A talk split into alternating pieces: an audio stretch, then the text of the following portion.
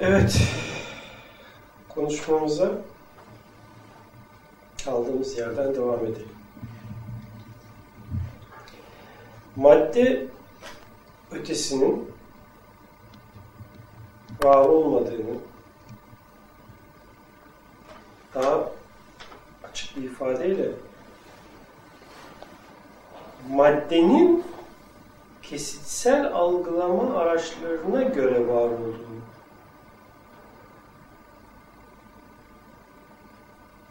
her boyutun kendine has yapısının o yapıyı algılayan araçlara göre madde kabul edildiğini anlatmaya çalıştım. Şimdi üzerinde durmak istediğim husus madde üstü. Madde üstü tabiriyle anlatmak istediğimiz şey ne? Bugüne kadarki bütün konuşmalarımızda ve bundan evvelki konuşmamızda evrenin gerçek yapısını değil, kesitsel algılama araçlarımıza göre olan yapısını değerlendirebildiğimizi izaha çalışmıştım. Ki bu konuyu detaylı olarak Evrensel Sırlar isimli kitabımızda, Ruh İnsancın isimli kitapta, Hz. Muhammed'in Aleyhisselam Allah'ı isimli kitapta izaha elimizden geldiğince çalışmıştık. Maddeden enerjiye doğru yani madde, hücre, atom, atom altı yapı, nihayet enerji boyutunun sıralamasını defalarca izah ettik. Yalnız bunun bir de madde üstü yanı var. Madde üstü derken bir madde var, bir de bu maddenin üstü var. Şeklini anlamayalım. Madde bizim algılama araçlarımıza göre var olan bir şey. Fakat bir de bir üst boyut var. Bu üst boyutu hiç bugüne kadar algılamamış olduğumuz, hatta üzerinde düşünmemiş olduğumuz için direkt olarak anlatmam mümkün değil. Bunu misal yollu anlatmaya çalışayım. Şimdi bir insanın vücudunu, bedenini ele alalım. Bu bedende milyarlarca hücreler var. Bu hücreleri biz bugün çok yüksek büyütme kapasitesi olan mikroskoplarla görebiliyoruz. Ve esasında vücudumuzdaki bu hücrelerin milyonlarcasının faaliyetinden haberdar bile değiliz. Farkında bile değiliz. O hücreler ne yapıyor, nasıl yaşıyor, ne tür ilişkiler içinde, nasıl ölüyor, nasıl vücudumuzdan geçip gidiyor, yerine nasıl meydana geliyor. Bunların hiçbir farkında değiliz biz. O hücrelerin her biri belli bir canlılık içinde. Ve kendi yapısal özelliği içinde de bir faaliyet halinde. Ama dediğim gibi biz bunun farkında değiliz. Bu hücrelerden ibaret olan beden milyarlarca hücreden meydana gelmiş beden esasında tek bir hücreden oluşmuş. Bu tek hücrede mevcut kromozomlardaki genler sayısız bilgileri ihtiva ediyor.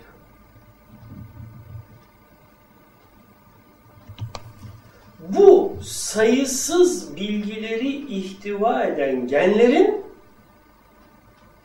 önerdiği bir biçimde hücre çoğalmaya başlıyor.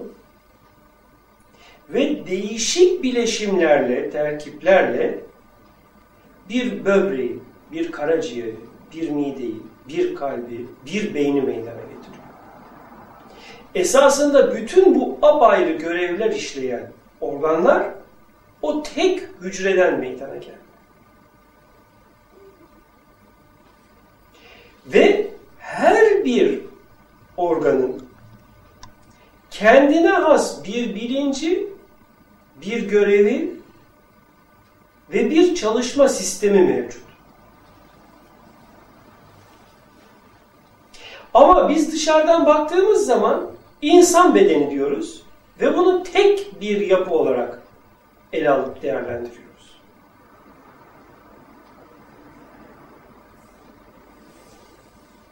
Nasıl ki biz hücreleri göremiyorsak, biz kendi algılama boyutumuza ve algılama araçlarımıza göre bedendeki bu faaliyetleri değerlendiremiyorsak, kitlesel bir isimle karaciğer, kalp, böbrek gibi tanımlamalarla kaba bir biçimde olaya yaklaşıyorsak, bunun aynını bir üst boyutta ele almaya çalışalım. Tüm galaksiyi 400 milyar diye tahmin edilen yıldızdan oluşan 400 milyar yıldızdan oluştuğu tahmin edilen galaksiyi bir beden olarak ele alalım. Bu bedenin bu galaktik bedenin hücreleri gibi düşünelim. Galaksi içindeki yıldızları. Bu yıldızların ayrıca uyduları var tabi. Bu uydularıyla yıldızlar galaktik bedenin organları veya hücreleri gibi. Nasıl ki karaciğerin kendine has bir yapısı, bir çalışma sistemi, bir kendi bilinci, organik bilinci ve bu bilinçle yaptığı bir görev varsa aynı biçimde galaktik bedenin de organları veya hücreleri gibi olan yıldızların canlılığı söz konusudur. Eğer uzaydan belli bir mesafeden dünyaya bakarsanız dünyanın üstünde doğru dürüst ne bitkileri, ne hayvanları ne de insanları görürsünüz. Dünya tek başına bir kütledir. Ama dünya üzerinde bir insanlık, hayvanlık, nebatlık gibi yapılar vardır. Bunlar da kendi işlerinde sayısız teferruatlara ayrılırlar. Her birinin kendine has özellikleri vardır. İşte aynı biçimde galaktik yapıda dışarıdan bakıldığı zaman bir beden, bir birim, bir kişilik hüviyetiyle var olan bir yapıdır. Bu galaktik yapı bizim Samanyolu adını verdiğimiz Batı'nın İngilizce'de Milky Way, süt yolu diye adlandırdığı galaktik yapı esasında bir canlı birimdir, bir canlı varlıktır. Bir başka galaktik şuur tarafından bu galaktik yapı bir canlı varlık, bir canlı birim olarak algılanır. Bizim tarafımızdan değil. Bir insanlık denen yapının şuuru olduğu gibi aynı biçimde dünyanın da kendine has bir şuuru vardır. Dünya ismiyle işaret ettiğimiz bu planetin, uydunun da bir şuuru vardır. Dünyanın şuuru olduğu gibi güneşin de bir şuuru vardır. Güneşin şuuru olduğu gibi galaksinin bir şuuru vardır.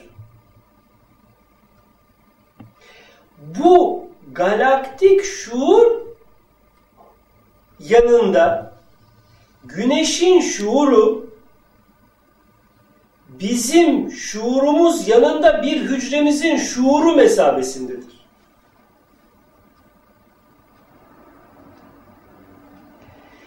Galaktik yapı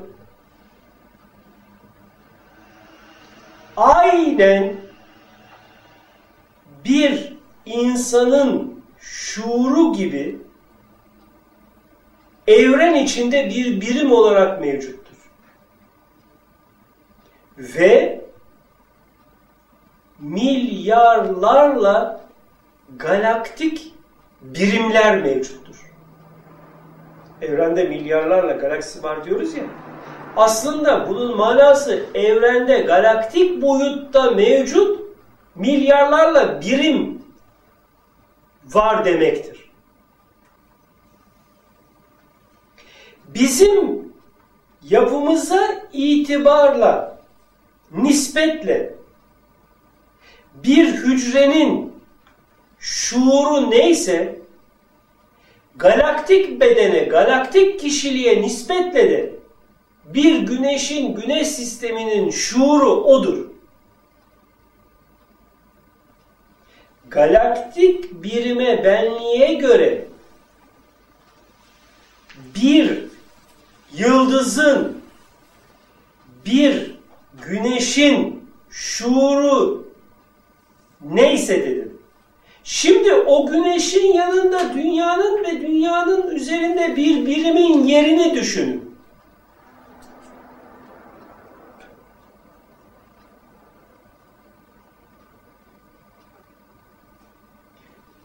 Hafsalanız acaba alabiliyor mu?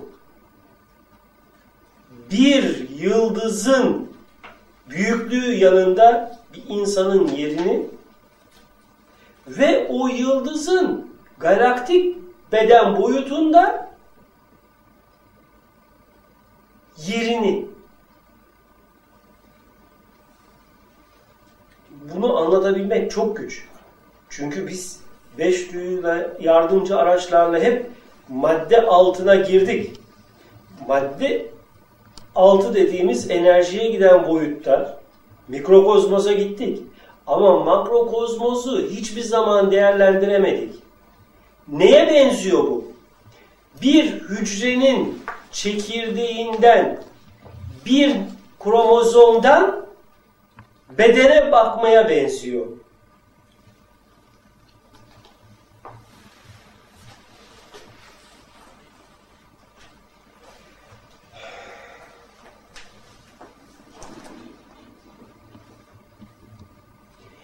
Bir hücrenin çekirdeğindeki bir gen bu bedene, bu şuura, bu ana yapıya bakabilir mi? Hayır. O gene göre bir organı dahi idrak etmek, hafsalasına sığdırmak mümkün değildir. O hücre çekirdeğini saran içinde mevcut o stoplazma sonsuz bir deniz gibi gözüküyor. O genin ismi. İşte biz diyoruz ki efendim bizim yaşadığımız uyduyla gezegenle falanca gezegen filanca yıldız arasında boşluk var. Hava var. Boşluk kelimesi hava. Burayı çok iyi anlamaya çalışalım. Daha önceki konuşmalarımızda dedik ki her şey atomlardan oluşmuş bir yapı. Ve aslında biz bileşik homojen bir kütleyiz. Atomlardan oluşmuş. Benim vücudum da atomlardan oluşmuş. hava dediğimiz yapı da hidrojen, helyum, azot gibi atomlardan oluşmuş bir başka maddede. Dolayısıyla atom boyutunda biz bileşik homojen bir kütleyiz. İşte bu bileşik homojen kütleyiz olayı bir alt boyuta, atom altı boyuta indiğimiz zaman yıldızlar arası boşluk kavramını ortadan kaldırıyor. Bir tümel yapı, bir homojen yapı meydana getiriyor. Galaktik boyutta. Biz kendimize göre kopuk kopuk birbirinden ayrı ayrı yıldızlar tasavvur ediyoruz ya bir yıldız burada bir yıldız bilmem kaç bin ışık yılı ötede bir yıldız bilmem kaç bin ışık yılı ötede. Esasında şu bedende hücreler birbirinden ne kadar uzaksa bunu genişlettiğimiz zaman galaktik boyutta da o yıldızlar o kadar birbirinden uzakta. İki yıldızın arasındaki boşluk esasında bize göre boşluk. Gerçekte boşluk değil, doluluk. Ama o doluluğu biz bugün için henüz ilmimiz ve algılama araçlarımız yetersiz olduğu için değerlendiremiyoruz ve o büyük bedeni tespit edemiyoruz. O büyük beden dediğim galaktik beden. Ve galaktik bedende mevcut benlik şuuru. Nasıl şu bedende mevcut bir benlik şuuru var. İşte şu bedende mevcut benlik şuuru gibi o galaktik bedende de bir benlik şuuru var.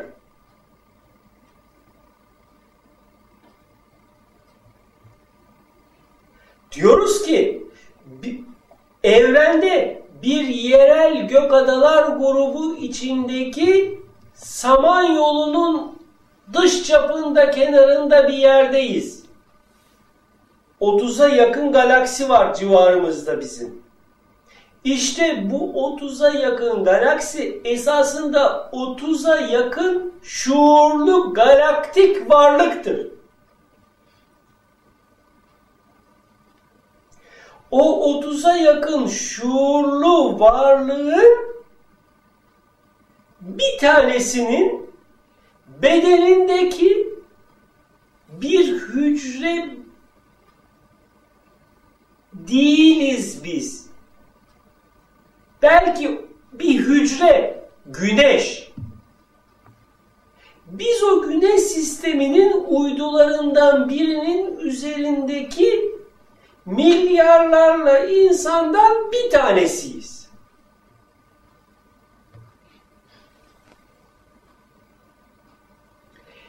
İşte din terminolojisinde melek kelimesiyle kastedilen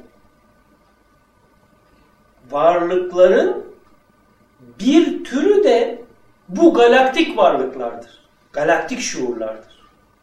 Galaktik birimlerdir. Nitekim geçmiş öze ermişlerden bir tanesi diyor ki biz öyle bir melek tespit ettik, varlık tespit ettik ki onun bizden haberi bile yok, bizim varlığımızdan haberi bile yok diyor. Ve onun büyüklüğünü çeşitli misallerle anlatmaya çalışıyor. Detayına girmeyeceğim. Aynı biçimde aynı biçimde bizim bedenimizdeki hücrenin de beynimizden beynimizdeki şuurdan haber olmadığı gibi beynimizin ve beynimizdeki şuurun da o hücreden haberi yok. O hücre vücutta doğuyor, oluşuyor, büyüyor, gelişiyor, çoğalıyor, ölüyor, gidiyor. İşte bu yapı madde üstü yapı diye tarif edilir. Varlık skalasını 100 santimlik bir cetvel gibi ele alırsak enerji, salt enerji noktası dediğimiz noktayı sıfır noktası kabul edersek daha sonra kuantları, kuarkları, müyonları, mezonları, atomları, molekülleri, hücreleri, algıladığımız maddeyi 50 santime doğru yer yer böyle koyarsak bulunduğumuz madde boyutu bize göre madde dediğimiz bu boyut 50. santimde yer alırsa bunun daha üstünde ve ötesinde de evrensel boyutlara doğru makrokozmoza göre doğru sayısız varlıklar var. Ve biz o varlıkların yanında hiç hükmündeyiz. O varlıkların sonsuz, sınırsız gibi değerlendirebileceğimiz yapısını hafsalamıza sığdırmamıza imkan yok. Ama bunu düşünmek zorundayız. Eğer varlığı gerçek şekliyle tanımak istiyorsak hafsalamızı zorlamak ve bunu anlamak, idrak etmek zorundayız. Nasıl ki atomdan hücreye, hücreden bedene bir sıralama mevcutsa, her biri bir diğerinin içinde milyarlarca defa küçük ama kendi yapısına ve varlığına göre şuurlu, bilinçli ise aynı biçimde bizim yanında milyarda bir veya trilyonda bir boyutunda kaldığımız ana büyük yapılarda mevcut. Ve biz o bedenlerin içinde bir hiç mesabesindeyiz.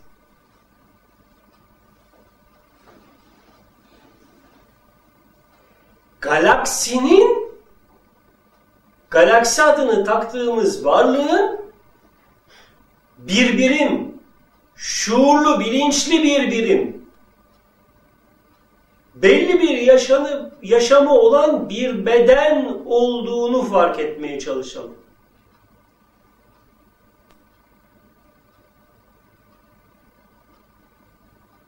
Bizim yaşadığımız dünya ve bu dünyanın devamı olan ahiret adı takılan ölüm ödesi yaşam devresi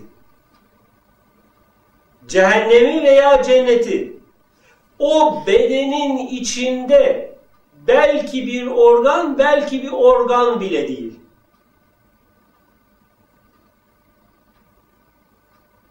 Ve bu büyüklüğü de azametini anlatmaya çalıştığım birim kainattaki, evrendeki milyarlarla birimin bir tanesi daha. Komşusu 30'a yakın arkadaşı var bunun. Bunlar böyle bir arkadaş grubu. 30 kişilik bir arkadaş grubu. Bunlar neyi düşünüyor, neyi konuşuyor, neyi tartışıyor, ne yapıyor? Bunlardan biz bir haberiz.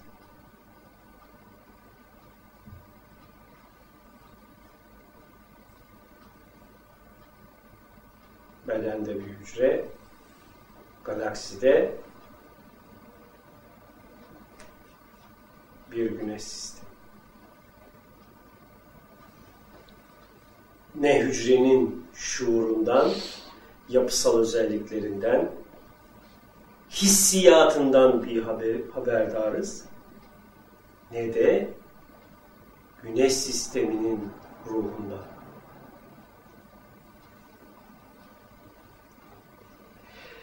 Peki bütün bunlardan insanlar tümüyle bir haber olarak mı geçip gidiyor? Hayır.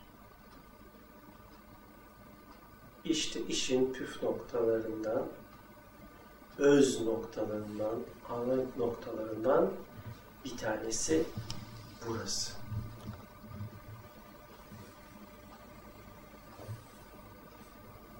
Ana yapı ne kadar küçülürse küçülsün veya ne kadar büyüse büyüsün İster mikrokozmoza girelim, gen boyutuna inelim, bakteri boyutuna inelim, müon kuant boyutuna inelim. İster güneş veya sair yıldızlar boyutuna çıkalım. İster galaktik birim, galaktik varlık boyutuna çıkalım. Hepsi özü ve zatı itibariyle aynı varlık ve aynı cevherden meydana gelmesi dolayısıyla eğer herhangi bir boyutta, skalanın herhangi bir boyutunda bir birim özüne, zatına inebilirse veya bir diğer ifadesiyle zata doğru bir sıçrama yapabilirse zatına doğru bir sıçrama yapabilirse o noktada kendisinden sayısız defa mikro veya sayısız defa makro plandaki birimle iletişim kurabilir. Bu iletişim zati iletişimdir. Ama bunun için kişinin evvela kendi zatını bilmesi lazım. Kendi zatını bilmekten murat ne? Kendi zatını bilmekten murat önce bulunduğu boyutun varlığı olma kaydına girmiş olan şuurunu bu yanlış blokajdan arındıracak. şartlanmalar, değer yargıları, duygular, birimsel kabuller gibi tüm hallerden arınacak, şuurunu arındıracak. Çünkü evren, kainat biliyoruz ki sonsuz, sınırsız, tekin ilminden hasıl olmuş bir yapıdır. Bu yapıda evrensel öz, zat, şuur, ilim her noktada ve zerrede mevcuttur. Dolayısıyla sizin gerçek şuurunuz, özünüz, zatınız mikro plandaki veya makro plandaki bir atom şuurunda veya bir galaktik şuurdaki bilinçle aynıdır. Ama bu bilinç oluşumunuz dolayısıyla çeşitli var kabullerle, varsayımlarla dıştan kopmuş kalıplanmış, bedenlenmiş bir birimsel şuur haline gelmiştir. Oysa şuur dediğimiz şey eni, boyu, ağırlığı, şekli, kilosu olan bir şey değildir. Şuurun sınırları, kayıtları şuurdaki yanlış bilgilerle meydana gelir.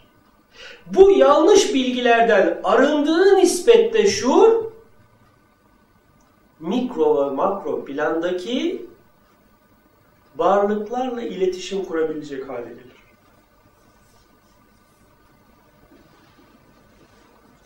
Bizim altımızda altı, bizim altımızda derken yani maddeden atoma, hücreye, atoma giden boyutta çeşitli varlıklar var olduğu gibi bizim madde boyutumuzda çeşitli varlıklar var olduğu gibi bizim içinde sanki bir hücre gibi kaldığımız sayısız çeşitli varlıklar da mevcuttur. Ve onlarla iletişim kurma imkanı dahi bazı kişiler için mevcut. belki bu söylediklerim hafsalanızın alamayacağı boyutlarda bir konudur. Ama böyle bir olay vardır. Bu bilinmeli.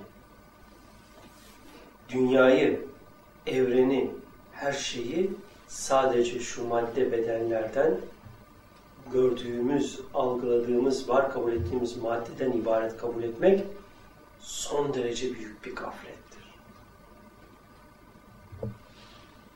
Beş duyu verilerinin oluşturduğu kesitsel değerlerden bilincimizi arındırıp gerçek boyutlarıyla alemi, alemleri ve alemlerdeki varlıkları tespit etmek zorundayız. Kelimede kelimenin şeklinde isimlerde kalmayalım. Bilelim ki şuurumuzu örten, bilincimizi örten en büyük perdeler kelimeler ve kelimelerin suretleri o kelimelerin hayalimizde meydana getirdiği tasavvurlardır. Ve o tasavvurları biz gerçek kabul ederek onların ardındaki ger mutlak gerçeklerden perdeli yaşıyoruz. Ondan sonra dünyamız daralıyor, basıyor üstümüze. Bütün davamız yedik, içtik, aldık, verdik. Niye aldık, niye alamadık, niye verdik, niye veremedik, neden kaybettik? Ya bunlar hepsi şu dünyada olup biten şey. Maddenin dar ve ilkel değerleridir bunlar. Biliyoruz ki çok kısa bir süre sonra şu madde ortamından geçip gideceğiz. Ve bildiriliyor ki orada geçen zaman boyutu, gideceğimiz ortamdaki zaman boyutu yüz binlerle, milyonlarla seneleri ihtiva ediyor. Ve o boyutun varlıklarından 3-5 kelimeyle söz ediliyor. Çok büyük melekler var deniyor. Bu melekler mikro boyutta var olan melekler olduğu gibi o güçlere sahip birimsel varlıklar olduğu gibi makro boyutta da mevcut olan varlıklar. Bunlar hep melek kelimesiyle geçilmiş. Ama bunlar birer şuurlu varlık. Eğer biz bugünden bunları anlayıp idrak edemezsek yarın bunları hiç fark edemeyeceğiz. Görüp geçeceğiz. Ama ne olduğunu bilemeyeceğiz.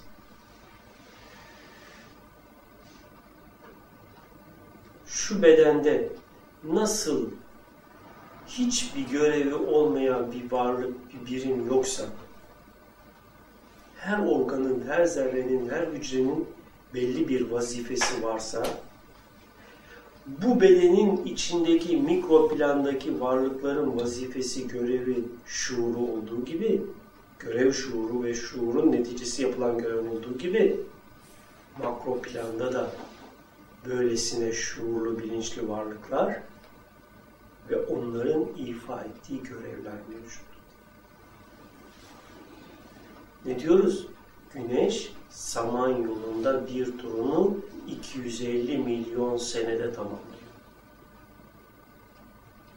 Güneş var oldu, var olalı bugüne kadar 8 tur atmış ancak merkez çevresinde.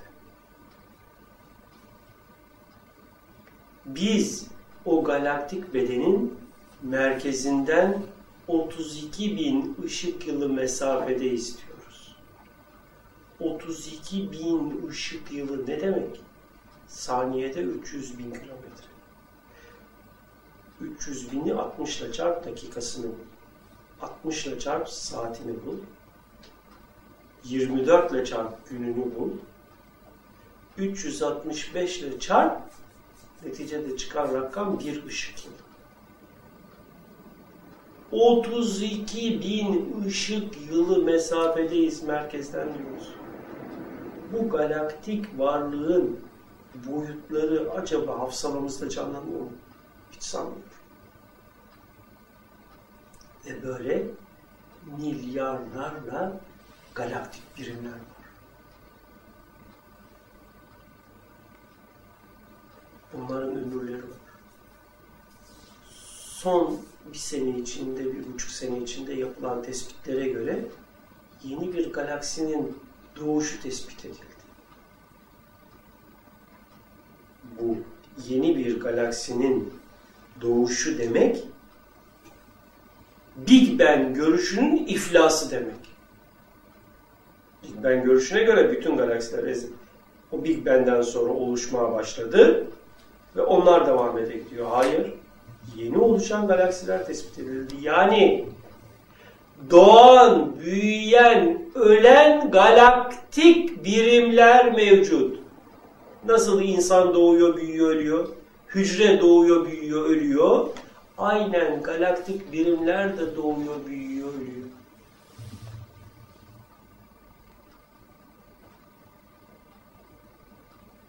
Öyleyse şu dünyanın dar sınırları içinde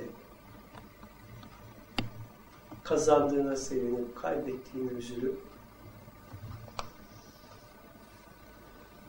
gördüğün rüyadan uyandığın andaki hal gibi yaşadığın günü boşa geçirip üzülme. Çok güzel bir rüya görürsün, uyanırsın. Vah vah ne güzel rüya dersin, elinde ne kalmış hiç. Aynen bu dünyadan gittikten sonra da o geçtiğin ortamda dünya şöyleydi, dünya böyleydi, şuyum vardı, buyum vardı, şuyum yoktu, buyum yoktu'nun derdine, tasasına düşeceğim. Ama o ortama göre belli bir hazırlığın yoksa çok büyük sıkıntılara, azaplara düşeceğim. Zira o içine gittiğin ortam senin bugünkü ortamına hiç benzemeyecek. Misali rüyadır. Rüya aleminde hem sen varsın hem karşında bir takım varlıklar var. Ama bu bedenin kah parçalanır, kah bozulur, eni boyu bir şey olur, deforme olur. Sonra bir anda eski haline giriverir. Ortadan yok olmazsın. Rüyada bedene neler olursa olsun senin benlik şuuruna hiçbir şey olmaz. Halel gelmez. Aynı şekilde ölüm ötesi yaşamda da nelerle karşılaşırsan karşılaş, ne büyük azaplar veya zevkler yaşarsan yaşa, benlik şuurun hiçbir zaman kaybolmayacak.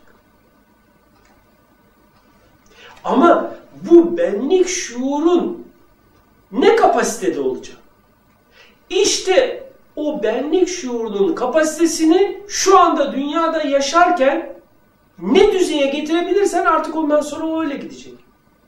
Bu dünyada idrak edemediğin şeyleri daha sonra idrak etmen mümkün değil. Anlayamadığın, değerlendiremediğin, hafsalanın almadığı şeyleri daha sonra değerlendirebilmen, alabilmen, hafsalana sığdırabilmen mümkün değil.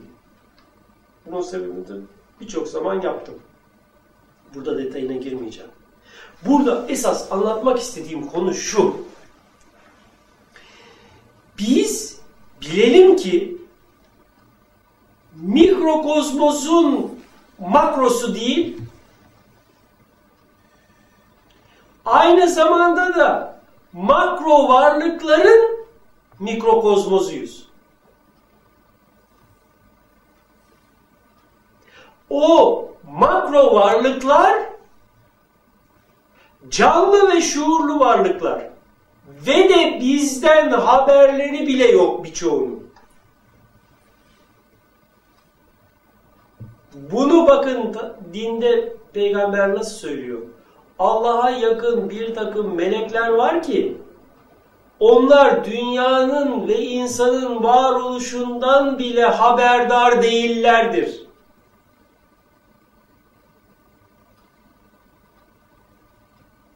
İnsanın ve dünyanın varoluşundan bile haberdar değillerdir.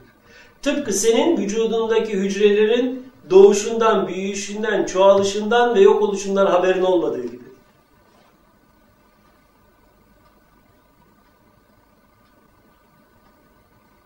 Eğer dünya yaşamında şuurumuzu genişletip, afsalamızı genişletip, hatta bunların ötesinde zat boyutunda kendimizi tanımak suretiyle bu varlıklarla iletişim kurup evrensel gerçeklere vukuf elde edemezsek ölüm dediğimiz olayla birlikte yeni bir takım şeyler elde edebilmemiz asla mümkün olmayacak.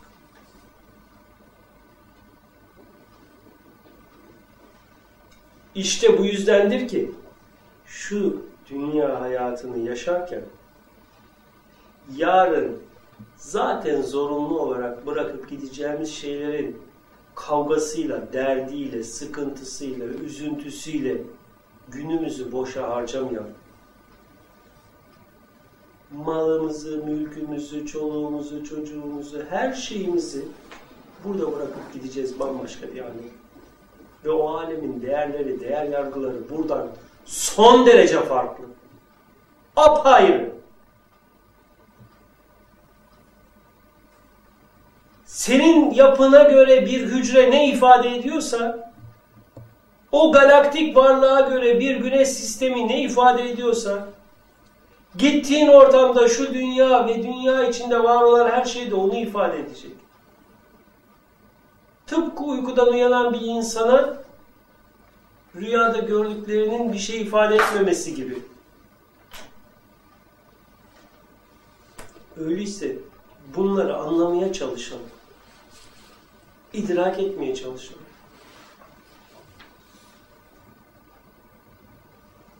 Aksi takdirde bu dünyada kör olan öbür dünyada da kör olacaktır hükmü bizim için geçerli duruma girecek. Bunun yegane yolu önce bilincimizi gereksiz ve yanlış bilgilerden arındırmaktır. Bu gereksiz ve yanlış bilgilerden bilincimizi arındırıp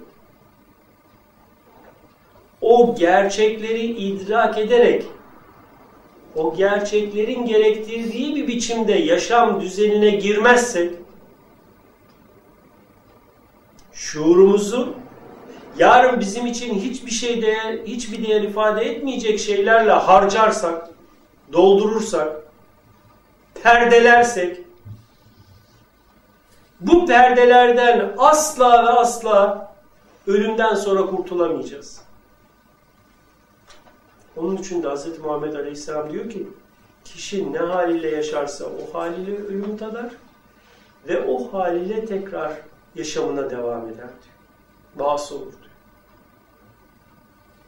Öyleyse bu dünyadayken, şu anda yaşarken bu gerçek değerleri, bu gerçek alemleri anlayıp kavrayalım ve o alemleri değerlendirebilecek hale gelerek bu dünyadan ayrılıp gidelim. Bunu yapamazsak çok yazık olacak.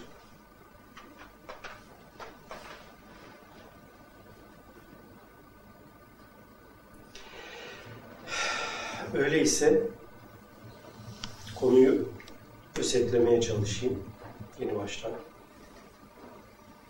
Biz sanki bir ara boyutta yaşıyoruz. Enerjiden bulunduğumuz madde boyutuna kadar olan boyut katmanları ve bizim bulunduğumuz noktadan evrene kadar uzanan boyut katmanlar. Her boyutun kendine has birimleri, o birimleri değerlendiren algılama araçları ve bu algılama araçlarının değerlendirmesine göre var olan kendi madde boyutları. Hücre madde boyutu, hücrenin kendi şuuruna göre var olan madde boyutu, atomun kendi şuuruna göre var olan madde boyutu, bedenin ve beynin algılama araçlarına göre var olan madde boyutu galaktik birimin algılama araçlarına göre var olan galaktik birimler madde boyutu ve bunun daha üstündeki algılayamadığımız katmanlar, boyutlar. Ama özü itibariyle, orijini itibariyle hepsinde mevcut olan bilinç, tek bir bilinç, kozmik bilinç. Ki tasavvufta ona insanı kamil,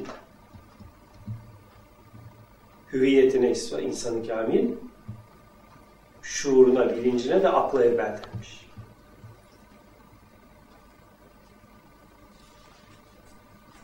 Galaktik varlığın aklına da aklı kül denmiş.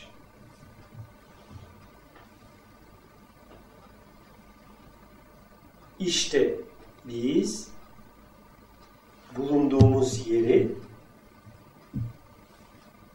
yapımızı makro ve mikro plandaki alemleri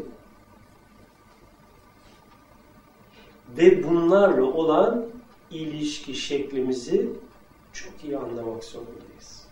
Ya bunu yapacağız veya yapamadan giden milyarlar gibi bu dünyadan geçip gideceğiz. Görenler bunları görememişlere bakacaklar. Biri daha gitti diyecekler.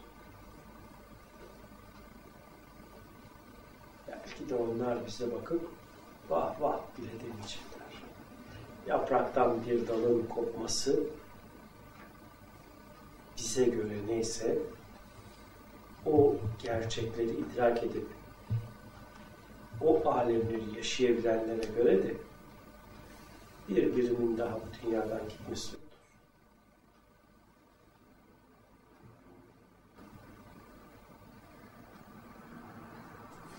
Öyleyse şu dünyayı boşa geçirmeyelim. İlme sarılalım. Bilincimizi ilimle şartlanmalardan, yerel değer yargılarından ve bu değer yargılarının getirdiği duygulardan arındırıp bilincimizin sınırlarından kurtulup sınırsız bilinçle var olmaya çalışalım. Umarım ki bu bize kolaylaştırılmıştır. Allah muinimiz olsun.